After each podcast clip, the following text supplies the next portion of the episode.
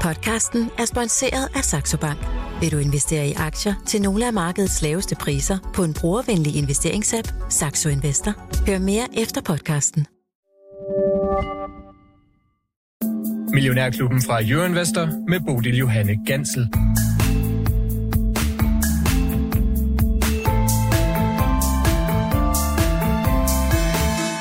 Det er små hop på sted i disse dage for aktierne. Enkelte selskaber stikker selvfølgelig ud, men øh, på indeksniveau, der er det som om, vi venter på et eller andet, der kan tegne en øh, klar retning for os, inden at børshandleren skal lukke bøgerne for 2023. Vores bog, den er lige blevet åbnet her til 55 minutters finansdebat. Den tager jeg sammen med dig, Michael Friis Jørgensen. Godmorgen. Godmorgen.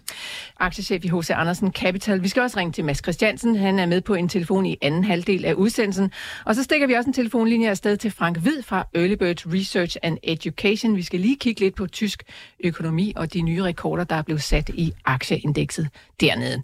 Michael Friis, lad os starte med det danske aktieindeks. Hvad sker der derude Ja, i dag? men øh, sådan var det det, du kaldte du det en dans på stedet, ikke? Øh, så det, er lige, det svinger lige omkring et, øh, plus 0,2 procent, og det er også det, vi generelt ser ude i Europa. Øh, har set over Asien i nat, og, og USA ligger jo også lidt positivt, hvor vi jo lå til en negativ åbning i går, ikke? Men, men, men vi må jo bare ligesom sige, at, at hele november har vi jo købt en eneste ting, og, og, og lige nu, jamen tror ING, du ved, de tænkte i går, eller for to dage siden... Den hollandske storbank. Hollandske storbank. Ja. Ja. Der er nogen, der siger seks rentesænkninger til den amerikanske centralbank næste år. Så må vi sige syv. Da vi, skal, vi skal jo ligge øverst, ikke? Altså, du ved, det, det er one way. Okay. Det er et one way. Du Så ved, får man taletid. Ja, nej, men det er mere det her med, at, at du ved, det er jo så tydelig en handel, vi handler på. Renter skal ned i 2024, kraftigt ned, øh, og det kommer før end senere. Øh, og det er jo også det, som, som den seneste handel, ikke? Og, og hvad fik vi i går? Jamen, vi fik de her jobs, de her arbejdsmarkedsdata, ikke? Som jo igen var, viser 1,34, altså mellem øh, jobåbnings og, og, og, og, og, det, der mangler, det laveste tal nogensinde. Så igen, vi har haft halvanden måned med, gold, altså med Goldilocks-tal på, at inflationen er på vej ned, og vi la- laver en blød landing. Altså, simpelthen ikke været, der har ikke været en nøgletal, der er ramt forbi. Så det er fuldstændig i orden, markedet gør det her. Og vi sidder jo selvfølgelig og venter på, om der er et eller andet, der vender det rundt. Så, Goldilocks, altså som vi talte om. Ja, øh, men Goldilocks, tid- det er det her tilpas blød. Ja. Altså tilpas blød. Ikke for varmt, ikke for koldt. Ikke for varmt, ikke for koldt. Altså ikke for, ikke for varmt på grund af inflationen, og ikke for koldt, fordi at vi skal jo nødigt også begynde at prise en, en, en, en recession ind i, i, i næste år. Og vi har virkelig haft halvanden måned, bare med de her tal. Små, te, små tegn, men jo sammenholdt med, at vi selvfølgelig var formodentligt, at nok næste år skulle vi til at stoppe op og muligvis se en rentesænkning, jamen så har det jo feedet en, en voldsom handel ind, ikke? og derfor har vi jo også fået rekordernes øh, november, ikke? altså med øh, en 60-40 portefølje op 12 procent, så du fik jo både på, obligation, du fik jo både på rentesiden obligationsejerne, fik i poser og sæk, aktieejerne. Og der er ikke noget unormalt i det her, fordi tallene har, altså jeg, jeg prøver at huske tilbage i november, der har ikke været et tal, som ikke pegede i den rigtige retning. Vel? Altså, du ved, og det er jo klart, at, at så, så løber alle handler den vej. Og det er jo bare for at sige, i går, endnu et, der har ikke været noget, der har brudt den her. Og så fik vi jo endda snappel, øh, en, af, en af høne, altså dem, der er sådan lidt, ah, ja, Ja. du ved, vi skal, vi skal æde og holde de her renter høje øh, længe, ikke? Altså, du ved, vi skal endda måske hæve dem, ikke? Hvor alle jo nu forventer, at de skal sænkes.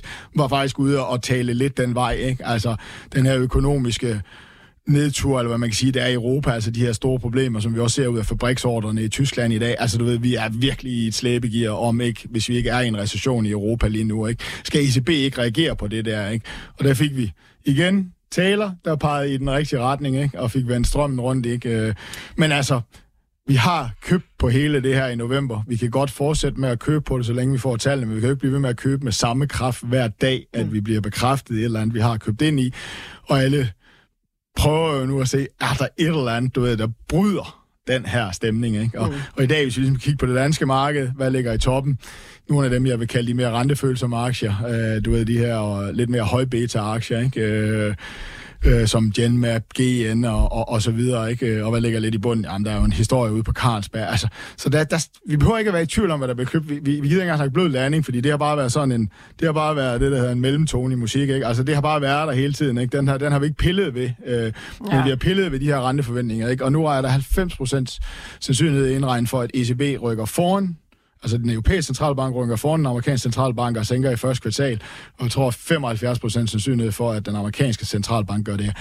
Og det er vel at mærke, mens vi stadigvæk tror på, at den her flyvemaskine ikke skal ned og røre jorden, at vi stadigvæk blander blødt. Det vil sige, at inflationen kommer bare ned helt naturligt.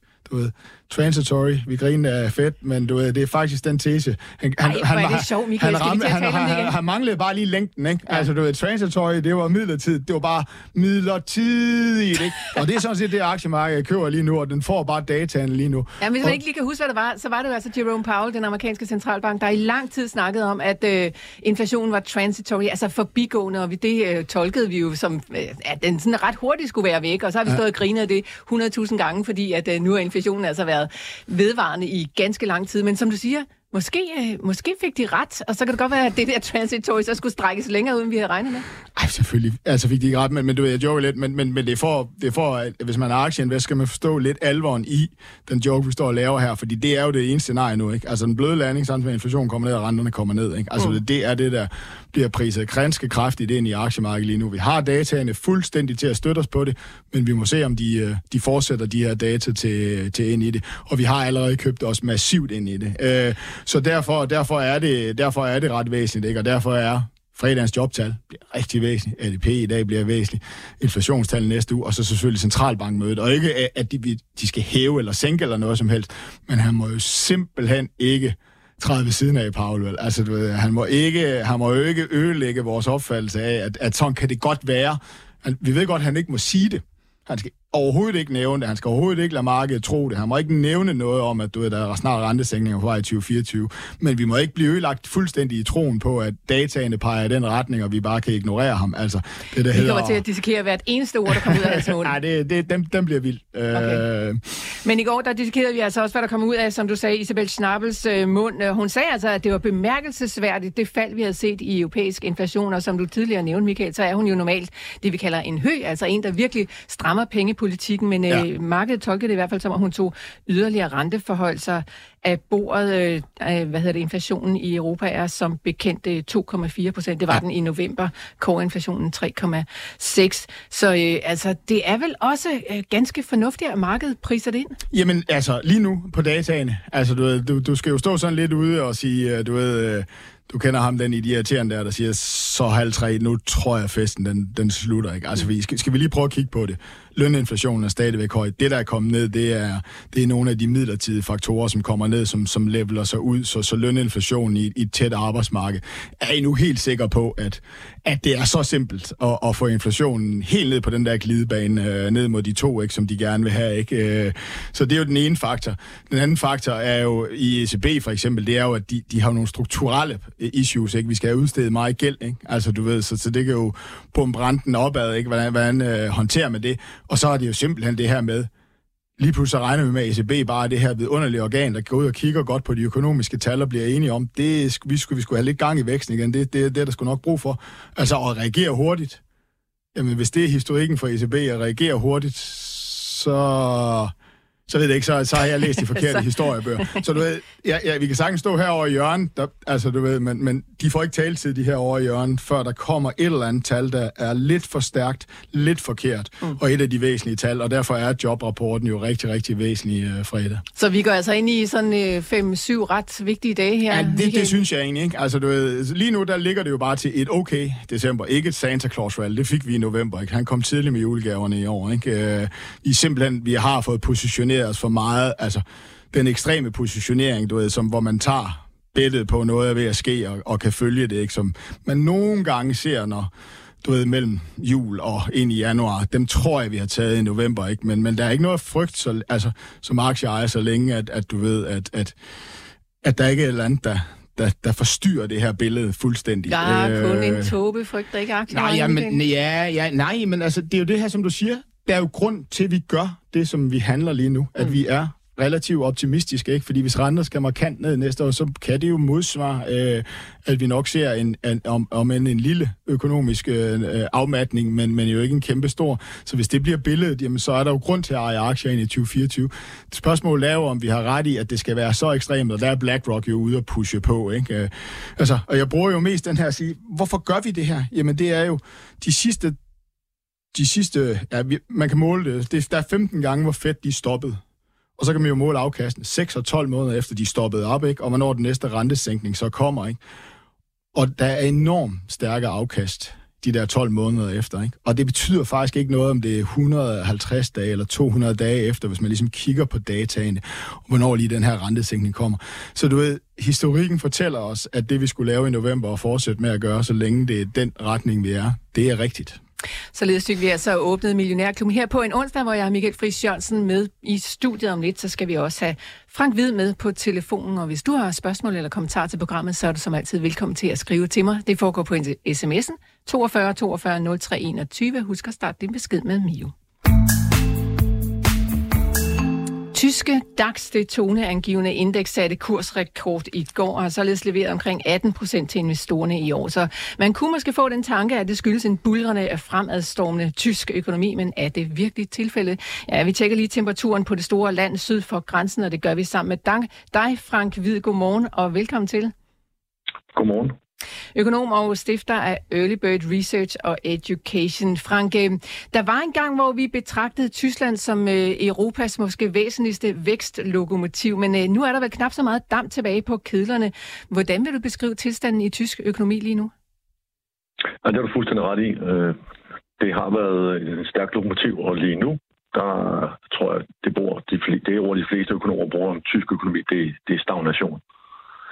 Øh, væksten i år ventes at blive negativ for hele året, øh, minus 0,3, øh, siger EU-kommissionen og de fleste store banker. Så øh, tysk økonomi er, er gået i stå og har udviklet sig sværere end de fleste andre europæiske økonomier efter, efter coronakrisen her.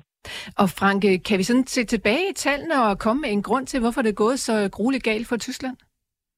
Ja, det kan vi godt. De er blevet ramt, kan man sige, på flere områder at det store lokomotiv i Tyskland og, og også det store lokomotiv i Europa i mange år har jo været den tyske industri.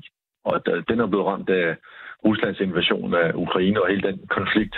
Øh, der er også mere øh, geopolitisk øh, ballade mellem øh, Vesten og, og Kina, øh, og det har også ramt noget af deres eksport. Øh, og så har deres bilindustri jo haft øh, problemer i en del år, øh, som de så heldigvis ser ud som om, de måske er ved at komme ud på den anden side af. Øh, byggesektoren lige nu øh, har det meget, meget svært i Tyskland, også fordi renterne er steget. Øh, priserne er været pænt høje. Så nogle af de ting, øh, og så er der selvfølgelig hele inflationschokket, øh, som gjorde, at øh, de tyske øh, lønmodtagers reallønner, øh, lønninger er gået markant tilbage. Det øh, har ramt forbruget. Mm. Så øh, det er sådan over en, en bred palette af, de har haft krise i industrisektoren, deres eksport er blevet ramt, og deres øh, forbrugere har haft, øh, haft det hårdt, og så byggesektoren oveni. Så det er noget af en, noget af en cocktail. Ja, det kan jeg forstå. Og så ser vi altså også i dag øh, makroøkonomiske nøgletal. Fabriksordre, der faldt 3,7 procent i oktober. Så vidt jeg kunne se, der var forventet, at det skulle ligge sådan nogenlunde flat. Hvor, øh, hvor overraskende til den negative side er det, Frank Hvide? Ja, det er, det, er nogle, det er nogle skidte tal, men måned for måned, så nogle af de tal for Tyskland, de, øh, de kan altså svinge rigtig, rigtig meget, og så bliver det revideret. Så vi skal altid være lige lidt påpasselige med at, at, at fokusere for meget på et enkelt tal, men hvis man lige skal kigge på det, så er det i hvert fald en skidt start på, øh, på fjerde kvartal, for det var oktobertallet, der kom her. Ikke? Og jeg tror, at eksportordreindgangen, øh, den var minus 8, det vil sige, at deres eksport er også startet fjerde kvartal øh, forholdsvis svagt. Så fjerde kvartal ser også ud, øh, som om, at det bliver, det bliver sløjt. Men det har de fleste økonomer også regnet med. Mm. Og man regner også først med, at, at, at der begynder at være lidt øh, bedring, når vi kommer ind til, til foråret og sommeren. Så det store spørgsmål er vel egentlig også, hvad gør de ved det dernede i Tyskland? Altså, mm. er der nogen sådan gode øh, løsningsforslag på, øh, på politisk niveau, eller, eller hvad gør de egentlig? Ja, altså de prøver forskellige ting. Øh, de prøver jo blandt andet at øh, ligesom revitalisere deres industri og, og kigge på, jamen øh, har vi været for meget i nogle af de gamle industrier, og kan vi gøre noget for eksempel med at, øh, at accelerere digitalisering? så vi kan få mere vækst i, i den del af økonomien. Jeg tror, de fleste af os, der har rejst i Tyskland, ved godt, at øh, det er noget tilbagestående med digitalisering i forhold til øh, især Danmark. Øh, så det er en af de områder. Øh, hele den, den grønne omstilling, øh, det er nogle af de ting, de øh, prøver på. Og så er der selvfølgelig hele energisektoren, som de prøver at gøre noget ved, men hvor de i hvert fald indtil videre har havnet nogle løsninger, som kun har gjort det dyre for tysk industri. Og det har gjort, at en masse arbejdspladser faktisk er flyttet ud af landet, fordi øh, energi faktisk er forholdsvis dyrt i Tyskland.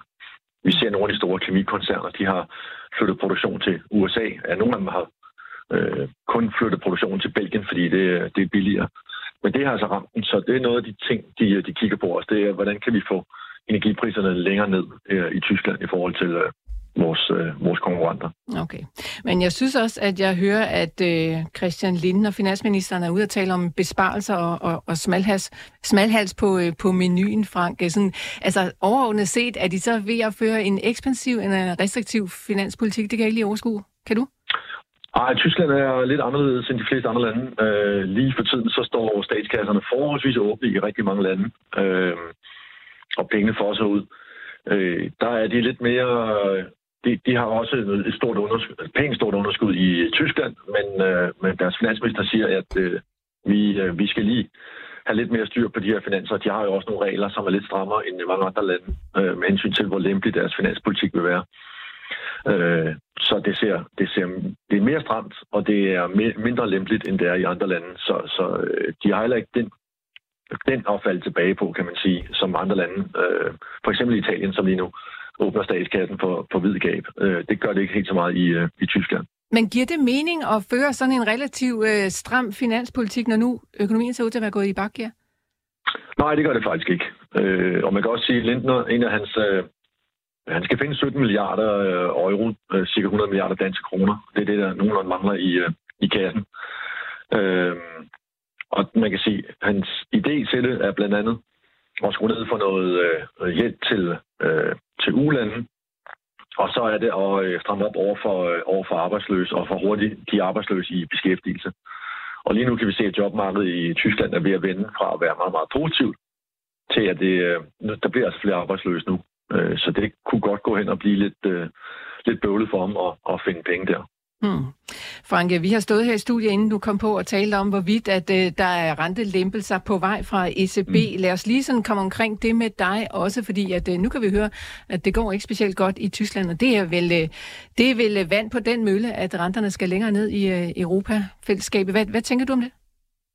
Ja, helt sikkert. Øh, og der er ingen tvivl om, at uh, der er sket en ændring bare de sidste 24 timer i Ligesom i sådan opfattelsen af, hvor har vi ECB og de korte renter. Vi havde jo Isabel Schnabel, tysk medlem af ECB, øh, og en af de mest øh, biske, øh, hvis man skal sige det sådan, øh, som var ude i går i et interview i Reuters og sige, jamen øh, det der med, at vi har troet med, at øh, vi skal have renterne endnu højere op, for at være sikre på, at vi får øh, inflationen øh, til at falde til ro, det skal vi til væk. Øh, og det, det fortolkede markedet jo lige med det samme som, at yes, den er god nok, hvad vi har sagt hele tiden, fordi markederne, obligationsmarkederne er løbet lidt i forvejen, og har sagt i et stykke tid, jamen vi tror, at ECB de kommer til at sænke renterne næste år.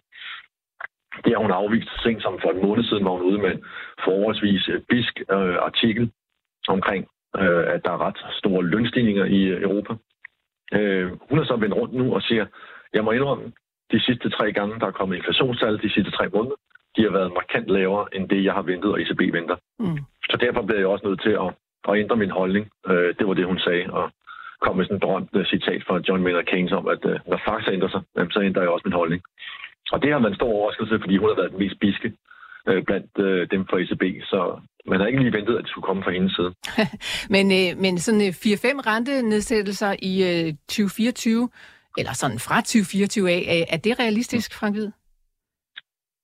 Ja, det er det markedet priser lige nu, og der tror jeg, der er en del, der synes, at nu er obligationsmarkedet måske ved at lige at køre en spids for langt øh, i øh, jubel over, hvor lave øh, og hvor hurtigt renterne kan komme ned igen.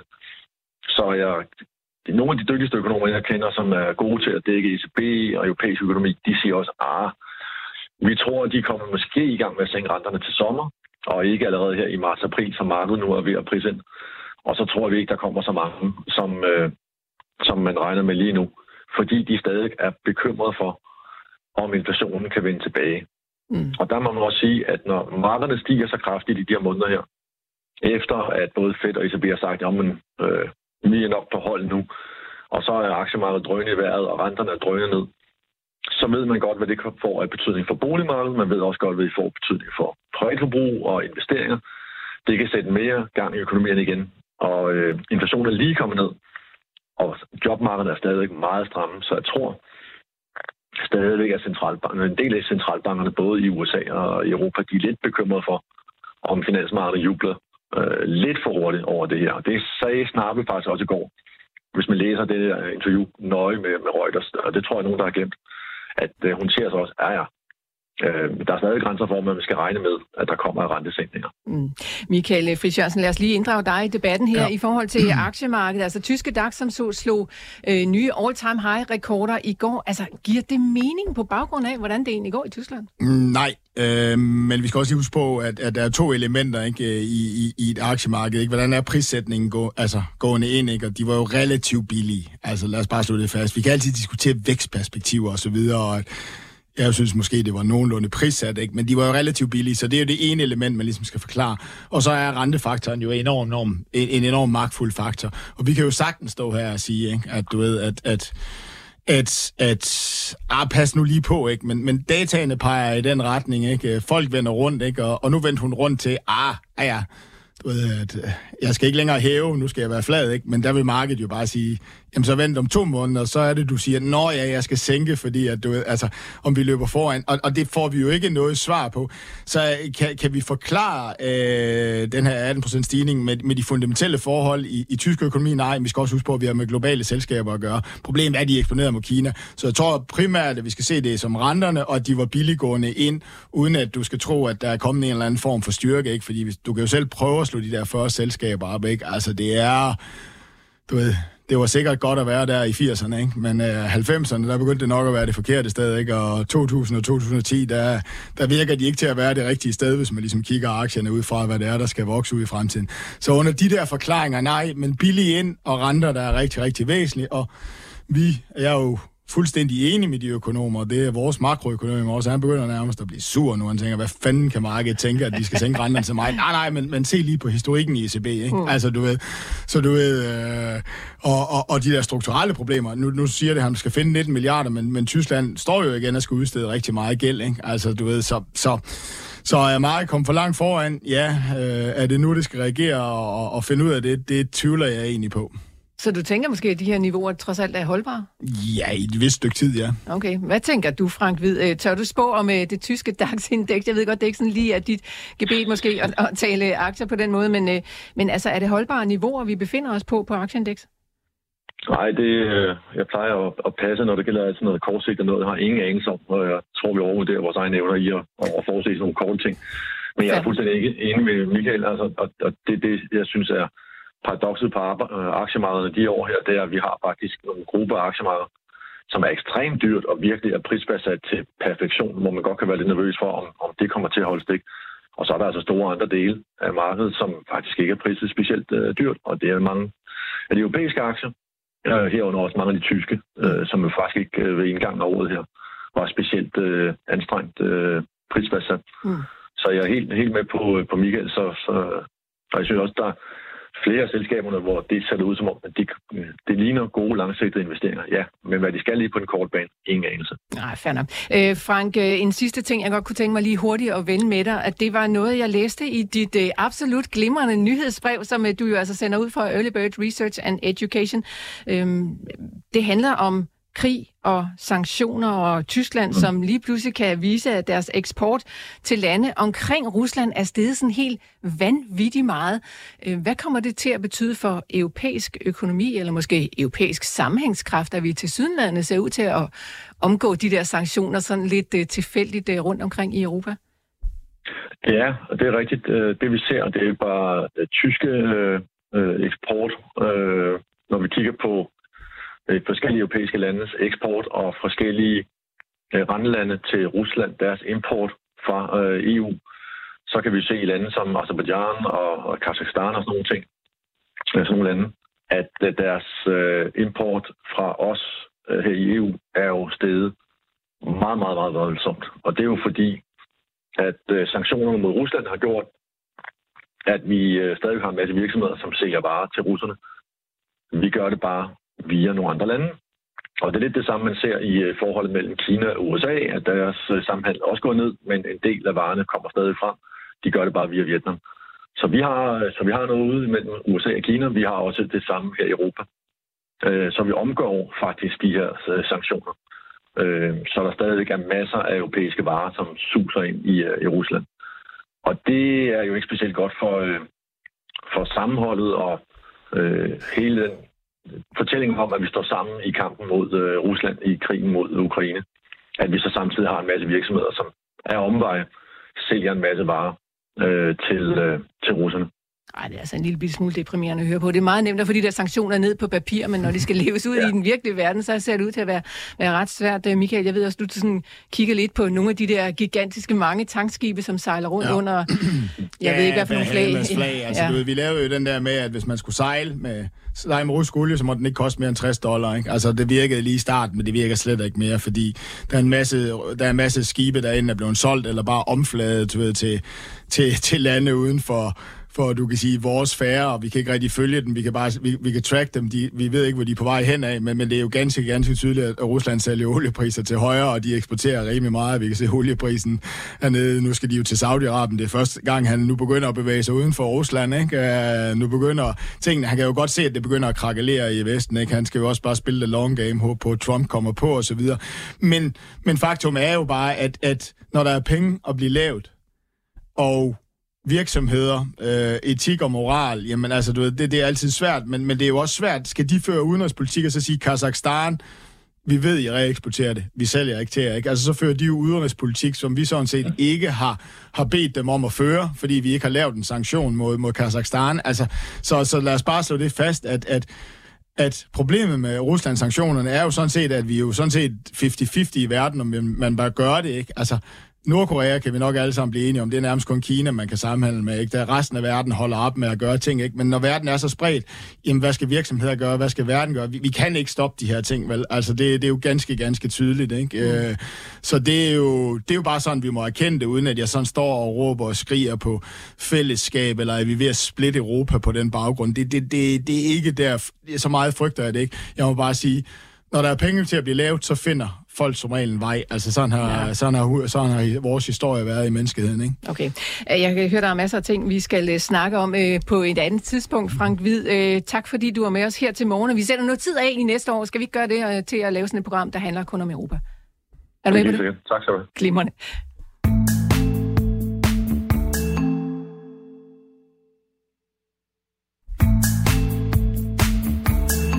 Så viste altså Frank Hvid, økonom og øh, stifter af Early Bird Research and Education. Nå, øh, Michael Friis, øh, hvad har vi at gøre med ude på det der marked, som jo kører øh, på fuld drøn, mens vi står her og taler? Og hvad der er topvinderne der, lad mig lige komme over på en side her, der var vi.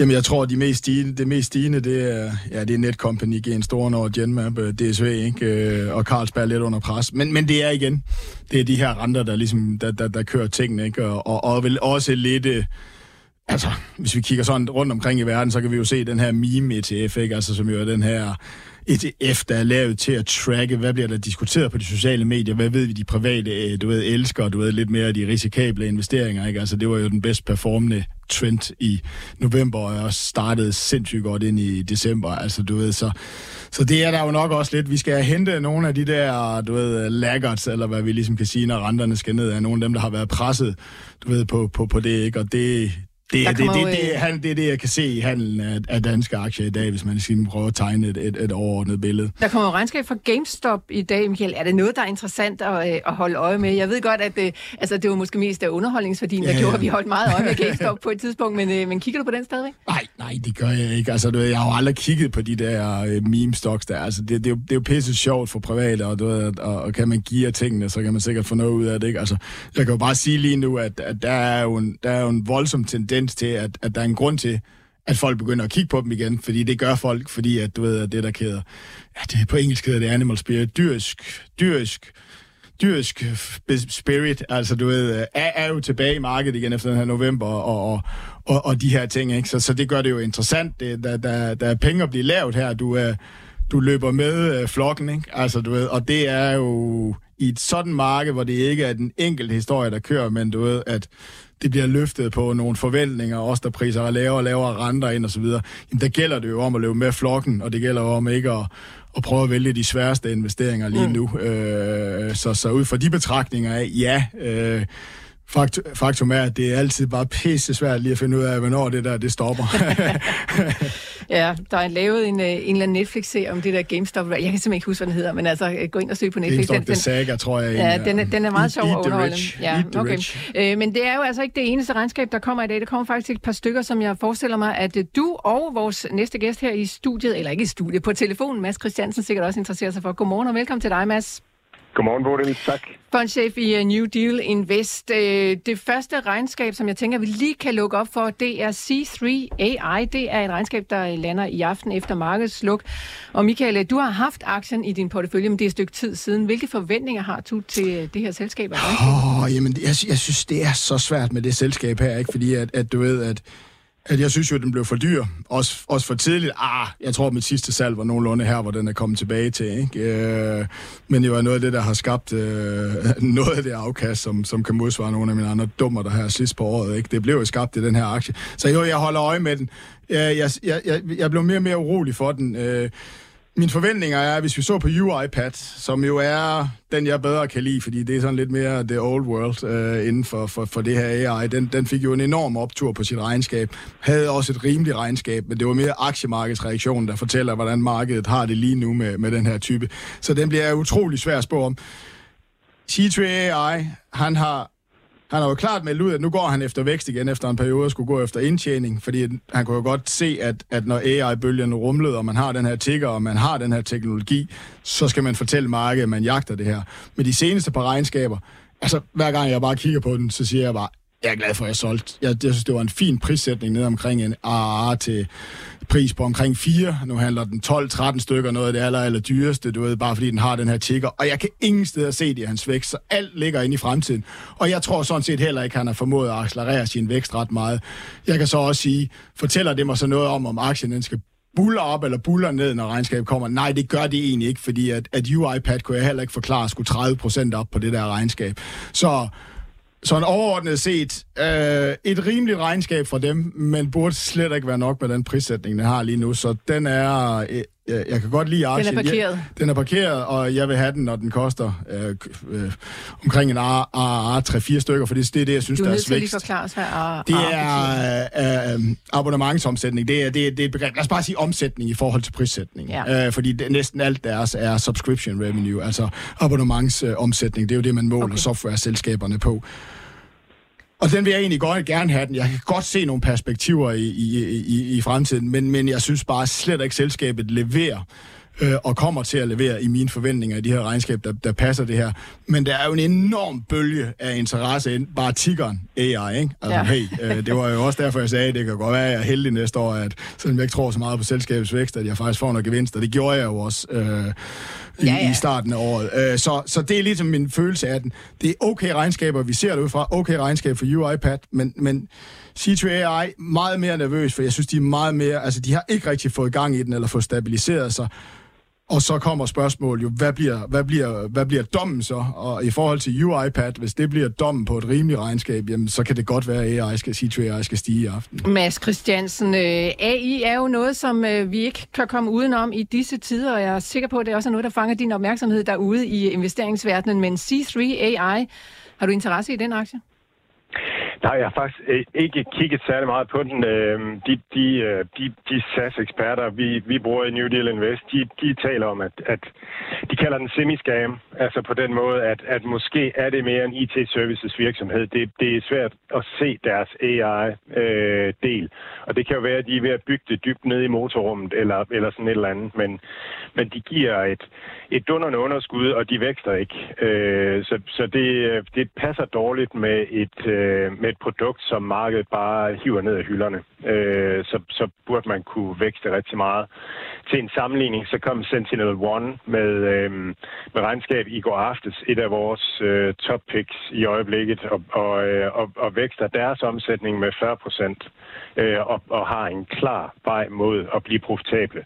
Øh, og har penge nok, og, og, og, og der er det oplagt, hvad deres teknologi er øh, inden for, for cybersecurity, øh, og, og, øh, og de handler stort set til samme prissætning, når man ser på, på, øh, på omsætningsmultipler som øh, C3 AI. Men Mads, nu bruger du ordet scam, og det kan godt være, at du sætter semi foran, som du siger, at øh, jeres øh, SAS-eksperter altså taler om, øh, når de taler om C3 AI. Altså, svindel eller, eller fup, hvis man skal sådan oversætte scam direkte. Er, er det det, der foregår i C3 AI? Nej, det, men, det, men det er det her med, at de kalder sig en AI-virksomhed. Mm. Øhm, og, og, og markedet har bare svært ved at, at få at vide, hvad er det egentlig for noget AI, de bygger og laver og, og kan, øh, og sådan nogle ting. Og, og, og så når man ser på væksten, så er det også, så er det også lidt begrænset. Og så kan man sige over ved Palantir, øh, som, som jo helt klart er øh, hvad skal man sige, den førende i at og, og, og, og, og, og, og, og, og give virksomheder large language models på en måde, som er, er sikker øh, datamæssigt og, og sådan nogle ting, jamen der er væksten heller ikke særlig stor, fordi onboardingen er svær. Så, altså, så, så man skal aldrig sige aldrig, men, men, det, øh, men, men øh, Alex Karp fra Palantir er i hvert fald bedre til at forklare, hvad det er, de kan AI-mæssigt, øhm, end, øh, end uh, Siebel fra, fra C3 AI. Hmm. Michael, hvad tænker du om det? Altså, er der, er der sådan decideret tvivl om, hvad de egentlig øh, står for og laver? Ah, der er jo tegn. Altså, du ved, vi kan ikke rigtig forstå deres øh, kundeantal og så videre. Altså, du ved, Thomas Siebel har været forfærdelig kommunikator. Jeg ved godt, han har meget, meget store succeser øh, inden, men... Øh, og han skulle, øh, han skulle aldrig nogensinde sælge nogle aktier, ikke? og så gik han på børsen, og den steg til 180, og den var i 40, der begyndte han bare at storsælge og så videre. Altså, det er... Jamen, øh, jeg vil jo sige, at, at C3 AI er jo ikke er ikke high-tech AI. Det, det er jo mere den der motor der, ikke, du ved, hvor, hvor man rent faktisk har et økosystem, hvor man kan få alle mulige andres, øh, du ved, øh, øh, øh, øh, motor ind i det, og så får de det gjort håndterbart og salgsbart, men du ved, de der høje vækstrater, fordi det er nemt at implementere, de er der jo ikke, så det er jo det der med, at at deres take, det er jo, at de landede Shell til 50.000, ikke? og nu, nu, nu omsætter de for 10 millioner øh, hos dem. Ikke? Altså, så du ved, at det er, det er slow burner, øh, og, og, og, og, og derfor er det at semi-scam, altså der, der, der er tegn på det, der er, der er grund til, at folk de siger det, der er nogle, der er nogle, der er nogle træn og nogle tendenser i regnskaberne, hvis man vil tolke dem sådan, så kan de godt være derhen imod. Øh, jeg tror det ikke, det, jeg har jo været investeret i den, øh, men det er en slow burner, det er en rigtig slow burner, og der passer prissætning bare ikke lige nu i forhold til, der er andre ting, der, der, der, der sådan set har meget nemmere ved at få implementeret de her ting, og meget hurtigere ude hos, hos kunderne. Så semiskam, jeg tror det ikke, øh, der er tegn, øh, men det er en slow burner, og derfor skal jeg nok have en slow burner øh, valuation øh, mm. i, i min optik, og det synes jeg ikke, den har lige nu. Mads, øh, ude på Facebook, der spørger Svend, øh, hvem dine eksperter egentlig er. Når du siger vores eksperter, hvem er det så, at du taler om? For han skriver, at øh, du plejer at sige, at du får din viden fra X, eller Twitter, som vi kaldte det i gamle dage? Ja, vi samarbejder med, med, et, øh, med et virksomhed. Øh, Convexity hedder de, som er, dem kan man også finde på Twitter, som er, som ved sindssygt meget om det her. Ja. Okay. Så det er, det er en kæmpe forstærkning af os. Okay. Godt, så fik vi lige øh, den detalje på plads. Der kommer også øh, andre regnskaber i eftermiddag, blandt andet Chewy, Mads, som du har liggende i din øh, millionærklub-portefølje. Øh, hvad tænker du, der skal øh, komme ud af det regnskab? Jamen, jeg, jeg, jeg, jeg ved ikke, hvad regnskabet øh, kommer til at, at, at betyde. Regnskabet, det der får aktier til at flytte sig op og ned på regnskaberne, det er jo, hvad, øh, hvad de viser i forhold til, hvad forventningerne er. Jeg kan helt vildt godt lide Chewy på, på den lange bane. Chewy er en af de her virksomheder, som markedet bare hader i øjeblikket. Og fortæl lige, hvad de øh, laver, hvis nu man ikke øh, egentlig er klar over ja, det. Ja, Chewy, Chewy de sælger, øh, de sælger dyre, kæledyrs øh, foder og øh, kattegrus og, og så videre, er en, en online virksomhed, der sælger det. De sælger også øh, dyre, dyre velfærd. Man kan få adgang til dyrlæge og øh, dyre forsikringer og sådan nogle ting via deres øh, platform. Så de er sådan en, en, en e-commerce specialist inden for, øh, for dyre øh, kæledyrs øh, omsorg, øh, hvad man har brug for der, og har de her nye forretningsmodeller med abonnementsservices og, øh, og sådan nogle ting, og bruger deres platform som, som øh, altså også som salgsaggregat. Det er retail media, de kan, reklam, brands kan reklamere øh, over for en relevant målgruppe på deres platform. Mm. Og så... Øh, og det, der er så interessant, det er, at deres bundlinje, den, er, den balancerer. De har ingen gæld.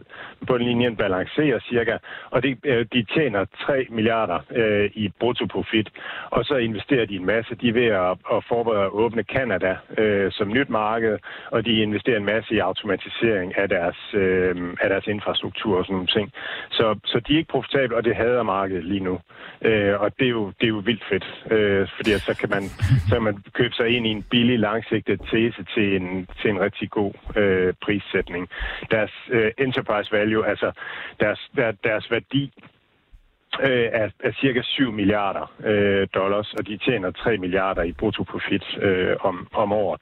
Så det er, der, der er mulighed for, for for rigtig god forbedring af bundlinjen, når man holder op med at investere og holder op med at vækste så meget, men, men det fortsætter de forhåbentlig med et godt stykke tid endnu. Mm.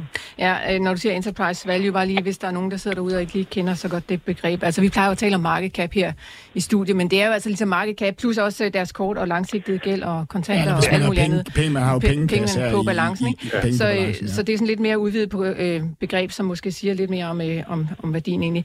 Tickerkoden er CHWY, og det er altså en af de aktier, som, øh, som du holder meget af, Mads. Jeg kender ikke nogen ja. som dig, som elsker aktier så meget, når de falder, som du gør. En, en, en helt vildt sjov ting ved deres regnskaber, det er, at, øh, at, at de kan sige noget om, hvordan det går med forbrugerens købekraft derude, fordi at, at når, når, når folk har mange penge mellem hænderne, så køber de rigtig meget af det våde øh, dyremad. Øh, og når de ikke har, har så mange penge mellem hænderne, så glider de mere over til det tørre dyremad. Så, så den, den ratio kan man bruge, hvis man er makroøkonom. Så den slags detaljer ned i et enkelt lille regnskab kan altså sige noget om, hvorvidt at det kommer til at gå godt eller dårligt for samfundsøkonomien. Ja. Ej, det er jo helt skørt.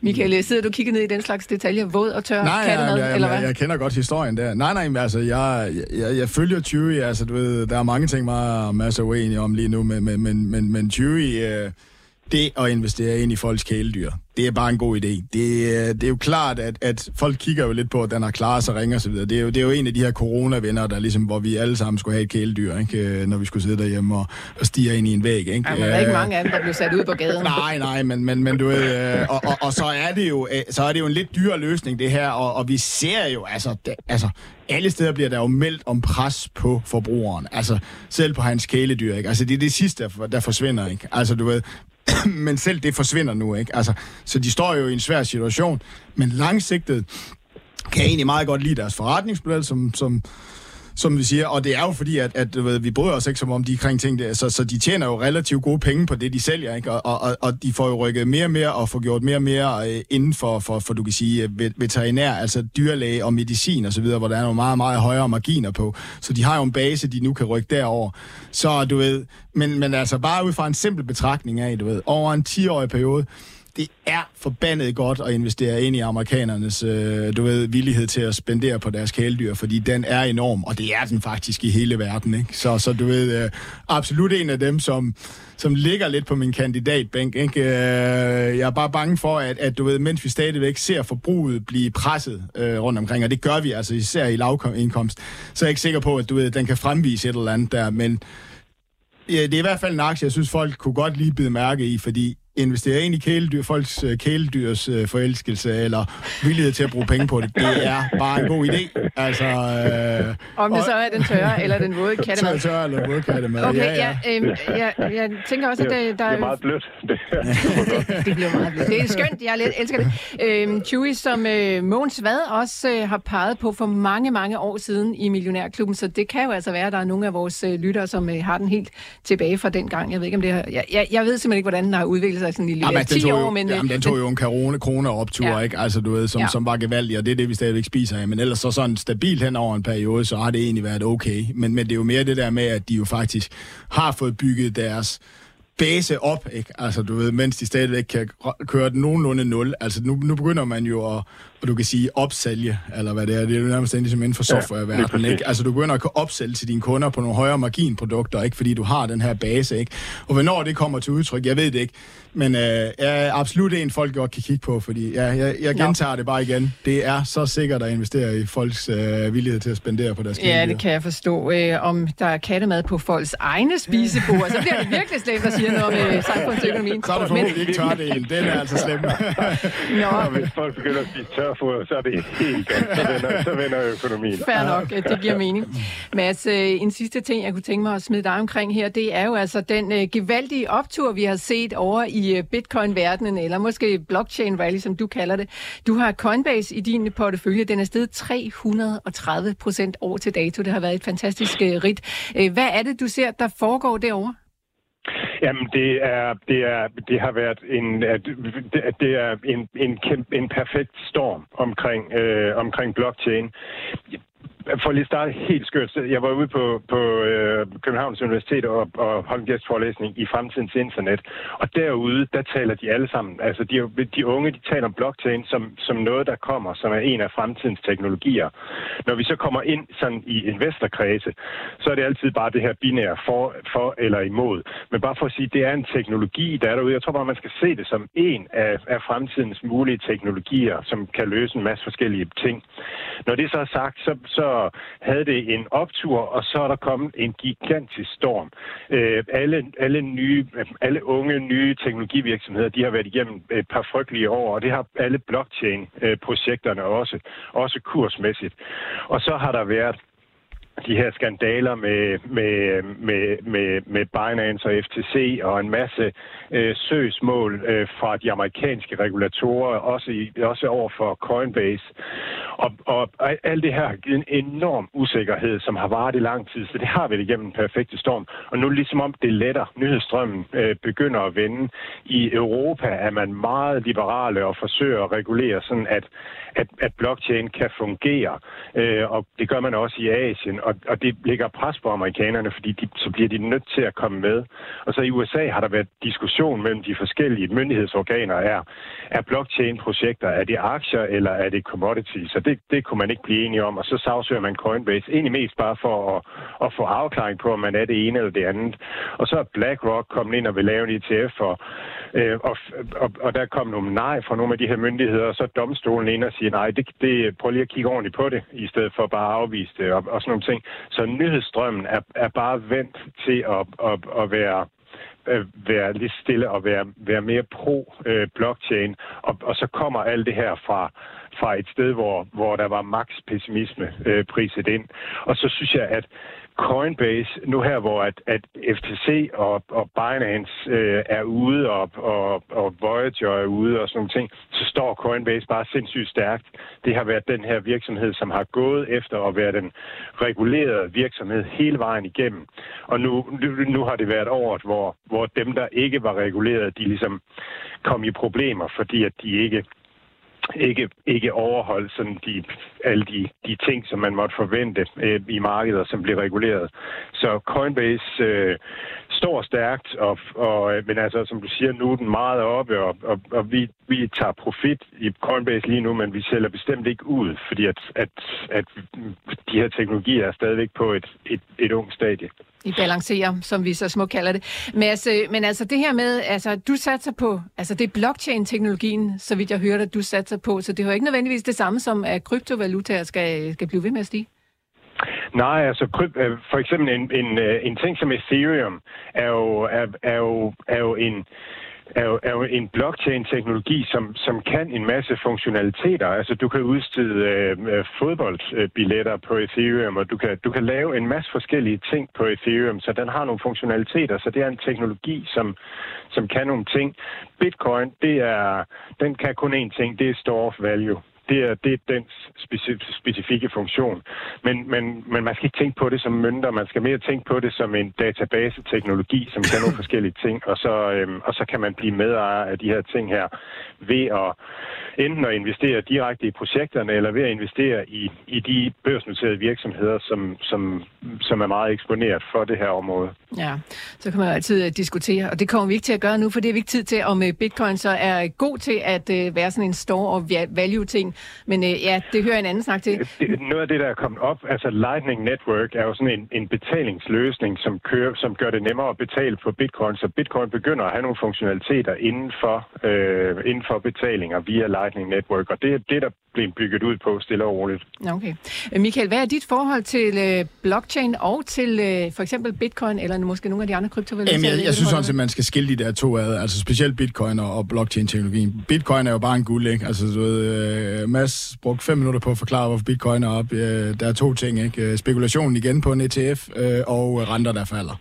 Altså, nemmere kan du ikke sige, så, så du kan sige, guld er jo også ganske kraftigt op på, på faldende renter, faldende US dollar, og, og bitcoin er jo en mange gange faktor, og så kan du jo gå over og kigge på den der meme ETF, ikke? Altså, de private har fået smag for tingene igen, og, og, og de driver jo også stadigvæk meget af bitcoin, fordi jeg tror lidt, at den institutionelle, som var ved at blive bygget op for ja, måske halvanden år siden, den, den, den tror jeg stadigvæk, den hænger en lille bitte smule øh, på sidelinjen efter alle de her skandaler her, ikke? Så det er de private, der driver det op. Så det er jo tre bare ret gode forklaringer, om det skal holde. Jamen, fortæl mig, om de tre faktorer her holder. Privates uh, sindssyge uh, animal spirit, om vi nu er renter, der bare skal tæske nedad, ikke? Og det, der, det, er det, der, det er nok det, der driver bitcoin lige nu, ikke? Så, mm. så det er det der, og så blockchain-teknologien, uh, hvor jeg stadigvæk har rigtig, rigtig svært ved at, at finde en god investering. Uh, Coinbase, det har virket, uh, jeg, du ved, jeg ved ikke, om det er en, om, om det er en blockchain-teknologivirksomhed, du ved, jeg, jeg er stadigvæk meget svært ved. Men, men det det. super, super interessant, uh, hvad nu det hedder, uh, super interessant og vigtig teknologi for fremtiden. Jeg kan bare overhovedet ikke finde ud af, hvordan man, uh, skal, hvad, hvad man skal købe af en form for virksomhed. Jeg synes, der er for mange teorier omkring, hvad der er en blockchain-virksomhed med det, de gør. Men uh, det, uh, det er jo uh, op til diskussion, uh, så, yes. så det er sådan tankerne. Godt. Det vælter ind med spørgsmål til jer, og vi har altså ganske få minutter tilbage, men lad os lige prøve at se, om vi kan nå uh, nogle af dem. For eksempel, Mads, der er et spørgsmål, som egentlig mest handler om New Deal Invest, for der er en lytter, der spørger om, øh, hvor de oprindelige investorer i New Deal Invest er henne i forhold til afkast. Altså lad os gøre det helt simpelt. Hvis man satte 100 kroner ind hos dig, da du startede op med New Deal Invest øh, som investor, hvor mange penge har man så tilbage i dag? Så vil jeg tro, man har man er, man har, man er på indeks sidst i, i 30'erne, øh, vil jeg tro. Så hvis man kom ind på toppen af alt det her og investeret i, i de aktier, som vi investerede i, så er man klaret sig bedre ved at være i New Deal Invest, end ved at være, være bredt investeret i aktierne. Okay, men... Og så ellers, så, så alle de nye investorer, der er kommet ind, de er jo, Jamen, er det er en anden sag. Oppe. Det spurgte jeg ikke om, Mads. Nu handlede det altså om, hvis man var med fra starten. Øh, Nå, og, det er og, en væsentlig, væsentlig ting, om, om vi klarer os bedre eller dårligere end det, vi investerer i. Bestemt, fair nok. Øh, så er der en, der spørger, om der er mere at hente i Hims and Hers. Mathias spørger om, øh, om det, og det er altså en aktie, du har talt om her i Millionærklubben. Ja, det er der. Det, det mener jeg klart, der er. Mm. Altså, det er den, den, den, blev, altså, den blev alt for billig efter Q2-regnskabet, hvor at, at man, man lavede prissænkninger. Det var et, et styrketegn, og det tog markedet som en, en svaghed, eller man var nødt til at justere tallene øh, i regnearken, og så, så faldt den rigtig meget. Så jeg tror, der er meget mere at hente, men, men igen også en, vi har taget lidt gevinst i nu her. Glimmerne. Og så øh, presser jeg lige citronen og smider sidste spørgsmål til dig. Det er Torben fra Aarhus, der spørger, hvilken aktie skal man vælge, C Limited eller Hello Fresh? Det er til en langsigtet pension. Mads, øh, hvor ser du, at der er mest øh, potentiale? Begge to. Okay, det, det er okay, hvis han kun kan vælge en. Sige limited. Okay, godt. Jamen, ja. så nåede vi ligesom det hele, Mads. Tusind tak, fordi vi måtte forstyrre dig. Selv tak. Rigtig god handelsdag. Så vi er altså Mads Christiansen, der er en del af vores konkurrence. Han fører den sådan set. Øh, du kan følge med ind på saxobank.dk og se, om øh, hvordan det går med alle porteføljerne. Michael, du ligger på en meget, meget fin tredjeplads. Ja, ja, det har ikke været, det, øh, det har ikke, øh, selvom jeg ramte rigtigt, at aktier skulle op af, så ramte jeg ikke de rigtige aktier, så det, det er, jeg glæder mig til, at året slår om. og det gør du snart, og for dig, så er det faktisk sidste omgang her i Millionærklubben ja, i 2023. Ja. Michael, det, her, altså, det har været en kæmpe fornøjelse at have dig med i 2023, og jeg kan glæde mig til 2024, hvor du selvfølgelig også er med i klubben, så det, det vil vi glæde os til, når du vender jeg tilbage på den anden side. Du, ved, du har spist Fantastisk, Michael. Det er jeg glad for, at at du vil gøre. Og så øh, ser vi altså frem til at øh, have meget mere aktiesnak med dig, når vi kommer ind på den anden side af 24. Et sidste blik på øh, dagens aktiemarked her. Fris Jørgensen, hvad, hvad tænker du, der sker derude? Jamen, jeg tænker, der sker lidt af det, vi snakkede om for morgenstunden. Ikke? du ved, øh, det, det kører op på, på de her faldende renter, øh, som vi har set i USA, og, og en formodning om, omkring det her. Og så, så skal du nu gøre noget, inden du sådan, øh, for alvor smutter på juleferien? Nej, det skal jeg faktisk ikke, fordi... Øh, kort svar, jeg, er, jeg, jeg, du ved, nu er jeg igen lidt på tvivlersiden. Jeg synes, at vi kommer for langt foran med de her rand, men jeg prøver ikke at advare folk om at skal følge, fordi jeg tror stadigvæk, at, at det bliver et okay øh, year-end slutning der. Men når jeg sådan står og kigger ind i starten af året, så tror jeg altså, at vi har handlet for langt foran på, på, på det her, og, og, det, og det, skal, det skal vi lige have et eller andet slag på, før Godt. vi er klar igen. Vi tager imod det slag, der måtte komme. Michael Friis Jørgensen, tusind tak for din øh, deltagelse her i 2023. Tak til Alex Brøndbjerg, der stod for teknikken i dag, og tak til alle jer, der lyttede med. Vi er tilbage igen i morgen. Jeg håber, vi høres ved.